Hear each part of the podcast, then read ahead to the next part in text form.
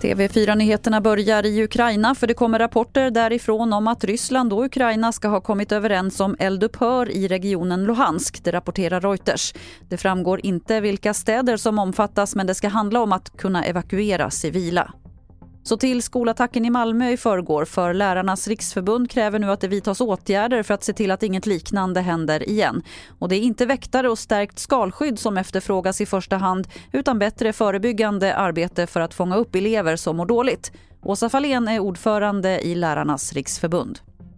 Man behöver förstärka elevhälsan. Du har svårt att fånga upp de här signalerna som eleverna eh, många gånger faktiskt sänder ut, men någon måste fånga upp dem och sätta dem i rätt sammanhang så att man kan förhindra den här typen av händelser.